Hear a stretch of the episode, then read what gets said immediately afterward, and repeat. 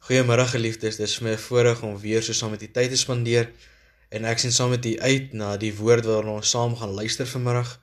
Mag ons daardeur bemoedig en versterk word en mag dit ons uitdaag om ook ons eie geloofslewe weer 'n bietjie in die vergrootglas te neem en daarna te kyk oor hoe ons dit uitleef en daaraan uiting gee. Ek wil u uitnooi om saam met my vir 'n oomblik eers saam stil te word en dan sal ek vir ons voortgaan met vandag se Bybelstudie. Kom ons raak saam stil. Here ons gee aan U die eer en wil U dank vir die geleentheid wat ons het om op hierdie manier deur die Gees saamgebind te word en dat U dit vir ons moontlik maak om ook U woord in die hand te hê, saam daarmee te kan lees, daaroor te kan nadink en ook ons lewe daarvolgens te bepaal.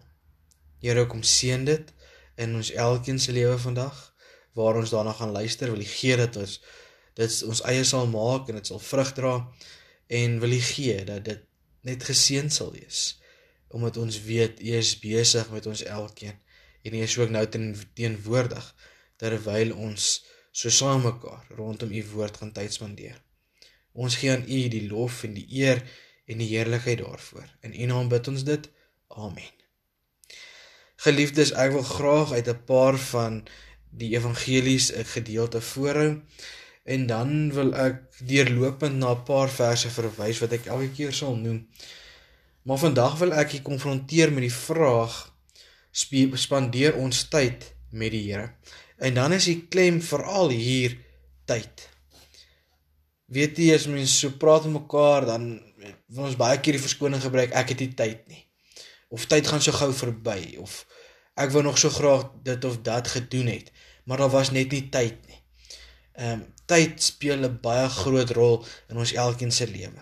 En natuurlik ook in ons geloofslewe. En daarom die vraag spandeer ons tyd met die Here. Ons hoofteksvers wat ek graag vanmiddag vir ons wil voorhou, kom uit Markus 1 vers 35 en daar staan: Die môre vroeg, toe dit nog nag was, het hy opgestaan en buitentoe gegaan na 'n een eensame plek en daar gebid. Hier word daar verwys na Jesus wat homself afgesonder het waar hy in gebed tyd saam met God sy Vader spandeer het. En ons gaan later bietjie terugkom daarna. Geliefdes, as ons kyk na verhoudings, dan is die tyd wat daarin gespandeer word, die getrouheid waaraan dit geken word, belangrike elemente wat hierdie verhouding ontwikkel en dit 'n gesonde verhouding maak. En dit verskil geensins van ons verhouding met die Here nie. Dit is ook belangrik om hierdie elemente in ons eie geloofslewe uit te oefen en te laat voorkom. Want dit word op die einde van die dag die sleutel tot ons interaksie met God, met die Here. En dit laat ons ook sy integriteit weerspieël deur die verstaan en die uitleef van die evangelie in ons elkeen se lewe. Dit vorm as te ware 'n ritme waarin ons met God omgaan. En as ons nie hierdie tyd en hierdie getrouheid uitleef nie, dan is ons uit ritme uit. En dan kan ons baie keer in die slaggate trap van ander sake of struikelblokke of dinge wat energie vertap of wat ons verhinder om daagliks tyd um, te skep um, in die gebed en die oordeenking um, saam met die Here. Ons kan dinge as plaasvervangers in ons lewe innooi wat ons as te ware wegneem van die Here af. En dit lei ons dan na die miskenning van gesag en waardes van die Here in ons lewe. Ons leef nie meer daartoe op nie, want dit is nie meer die hoogste prioriteit in ons lewe nie. Hierdie ander saak, hierdie struikelblokke, hierdie dinge wat ons verhinder, wat eintlik ons energie wil kom steel, word die prioriteit in ons lewe. En dan loop ons die gevaar om op die einde van die dag nie meer ag te slaan op die Here, sy liefde en sy voorskrifte vir ons lewe nie. Geliefdes, as ons verhoudinge wil onderhou, dan moet ons dit met ons hele wese, hart, siel, tyd, energie, ons hele mens wees, moet daarin bestee word sodat daai verhouding net sterker kan word elke dag. En En ons moet elke dag betekenisvolle tyd saam met die Here spandeer. In Bybelstudie, in ons stil word, gebedslewe, ons moet tyd maak vir die Here. As ons dinamiese tyd met die Here uitleef en 'n plek inruim daarvoor, sal dit ons verryk in ons kennis van hom en ook ons vertroue in hom verdiep. Daar sal as te ware groei plaasvind in ons geloofsverhouding met die Here. Dit sê vir ons voel ons het vasgeval of daar's 'n blok tussen my en die Here of ek het gestagneer in my verhouding met die Here nie. Maar ons sal groei beleef. As ons ons dag so begin, dan sal ons ook eerlik en opreg voor die Here kan erken wat is die behoeftes wat ons het om hierdie dag in te sien. En dan sal ons ons dag reg begin getrou om soos wat ons in Matteus 6 vers 33 hoor, ons allereers te beywer vir die koninkryk van God en vir die wil van God. Want dan sal sy Gees ons ook inspireer en sy Gees ons beïnvloed soos wat ons dag verloop en ons sal dan die krag gegee word om dieper in geloof te groei en om sy waardes uit te leef. En die res van Matteus 6 vers 33 sê dan vir ons dan sal hy julle ook al hierdie dinge gee. Maar belangrik om te hoor, dit begin eers by God se koninkryk en sy wil. Deur die Gees wat ons inspireer en en beïnvloed, vir ons die krag gee wat ons in geloof laat groei om sy waardes uit te leef. Dan sal ons ook al die ander dinge gegee word. Geliefdes, as ons 'n voorbeeld wil gaan soek rondom tyd spandeer saam met die Here en hoe dit lyk, dan is Jesus die grootste bewys hiervan. Ons sien hoe hy tyd geprioritiseer in sy bediening hier op aarde om tyd saam met die Vader te gaan spandeer in gebed en afsondering in stil wees. Alhoewel hy God is, het Jesus nodig gehad om tyd saam met sy Vader spandeer. Voor en na 'n lang dag waar hy die mense geleer en vir homself gegee het. Of dit nou was om vroeg môre op te staan om alleen in 'n eensame plek tyd met hom te spandeer en of hy uitgegaan het na 'n berg toe om te bid en die hele nag deur te bring in gebed tot God. Ons hoor dit in Lukas 6 vers 12, maar ook in Lukas 5 vers 16 wat staan het hom altyd weer in eensame plekke afgesonder om daar te bid. Jesus het vir ons kom wys hoe lyk dit aan die begin en einde van 'n dag. Natuurlik is daar baie uitdagings. Is daar baie wat van ons verwag word elke dag. Maar as ons ons dag reg begin en ons dag reg eindig, dan sal die Here vir ons gee wat ons nodig het. Krag, perspektief, rus, stil en ons kan dit opneem. Maar ons moet dit kom soek in die teenwoordigheid van God. Geliefdes, elke nuwe dag is 'n geskenk om ons eie te maak. Die Here gee dit vir ons uit sy oorvloed, uit sy genade. Ons moet dit verwelkom en dit gebruik. Ons mag beplan om dit wys en goed te gebruik, maar ons kan nie die uitkoms van enige dag voorspel nie. Tog as ons elke dag met God in gebed begin, begin ons goed want ons is ingestel op wie God is, wat sy wil vir ons is.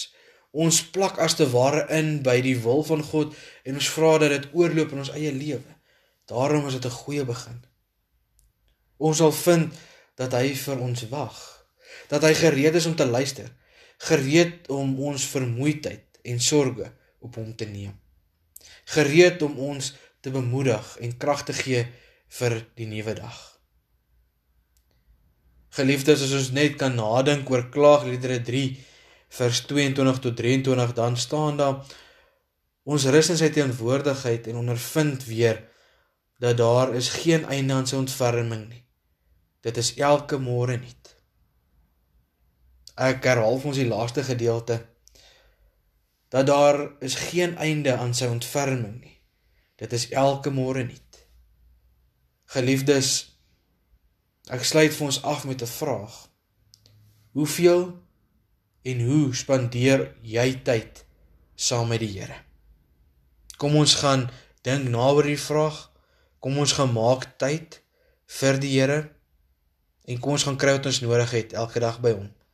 Sodat hy die prioriteit is en nie ander dinge wat ons tyd saam met die Here steel en wat op die einde van die dag op iets negatiefs kan uitloop nie. Kom ons raak saam stil in gebed. Here, as ons so uit die evangelies en uit klaagliedere hoor wie vir ons is, wat tyd in ons lewe beteken en hoe ons daarna uitsien, dan wil ons vir u kom vra kom wees ons genadig.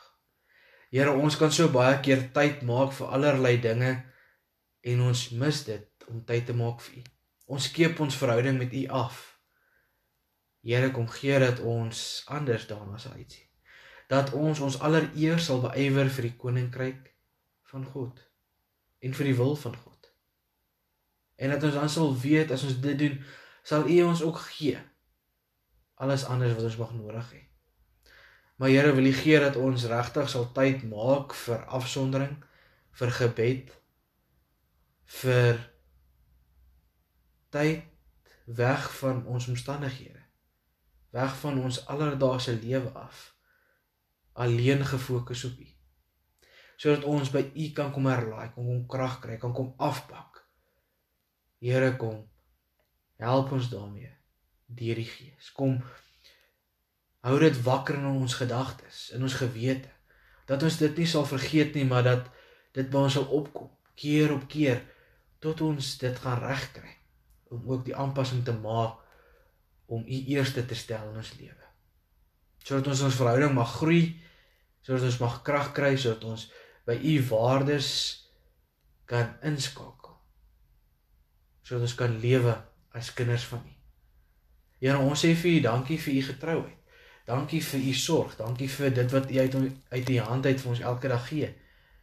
Uit u oorvloed, Here. Beleef ons u seën. Ons sê vir u dankie. Here, ons wil u vra kom wees die res van die middag en vanaand en die week wat voorlê by ons. Here daar waar ons wil hoop verloor en negatief wil raak en voel ek weet nie meer wat is die uitkoms waarna ek kan uitsien nie. Here kom gee ons perspektief. Kom gee dat ons wil vashou aan die liefde en die genade aan die deernis. Dat ons al weet ja Here, U het ook op 'n koel gelei. Maar U het vasgehou aan die Vader, dat ons aan U beeld, aan U voorbeeld sal vashou en daarna sal uitsien in ons lewe. Om te weet U sal ook uitkoms gee en U sal voorsien dit wat ons nodig het. Here ontvang die lof, die eer en die heerlikheid. Want ons weet 'n lewe sonder U is nutteloos, is hopeloos. Here, maar omdat ons 'n lewe met U het, kan ons uitsien met verwagting na nuwe hoogtes, na groei, na hoop. Ons bid en vra dit in U naam alleen. Amen. Geliefdes, mag jy 'n geseënde dag verder hê. Groete vir elkeen in die huisgesin en ek wil u uitnooi aan die einde van ons Bybelstudie van vandag. As u 'n spesifieke behoefte het om uit te reik, om te praat en om saam te reflekteer oor wat in die omstandighede aangaan, wil ek u uitnooi gee my 'n lei of stuur vir my 'n SMS of WhatsApp en ek skakel u graag om verder daaraan aandag te gee. Seën vir u, groete vir elkeen. Totsiens.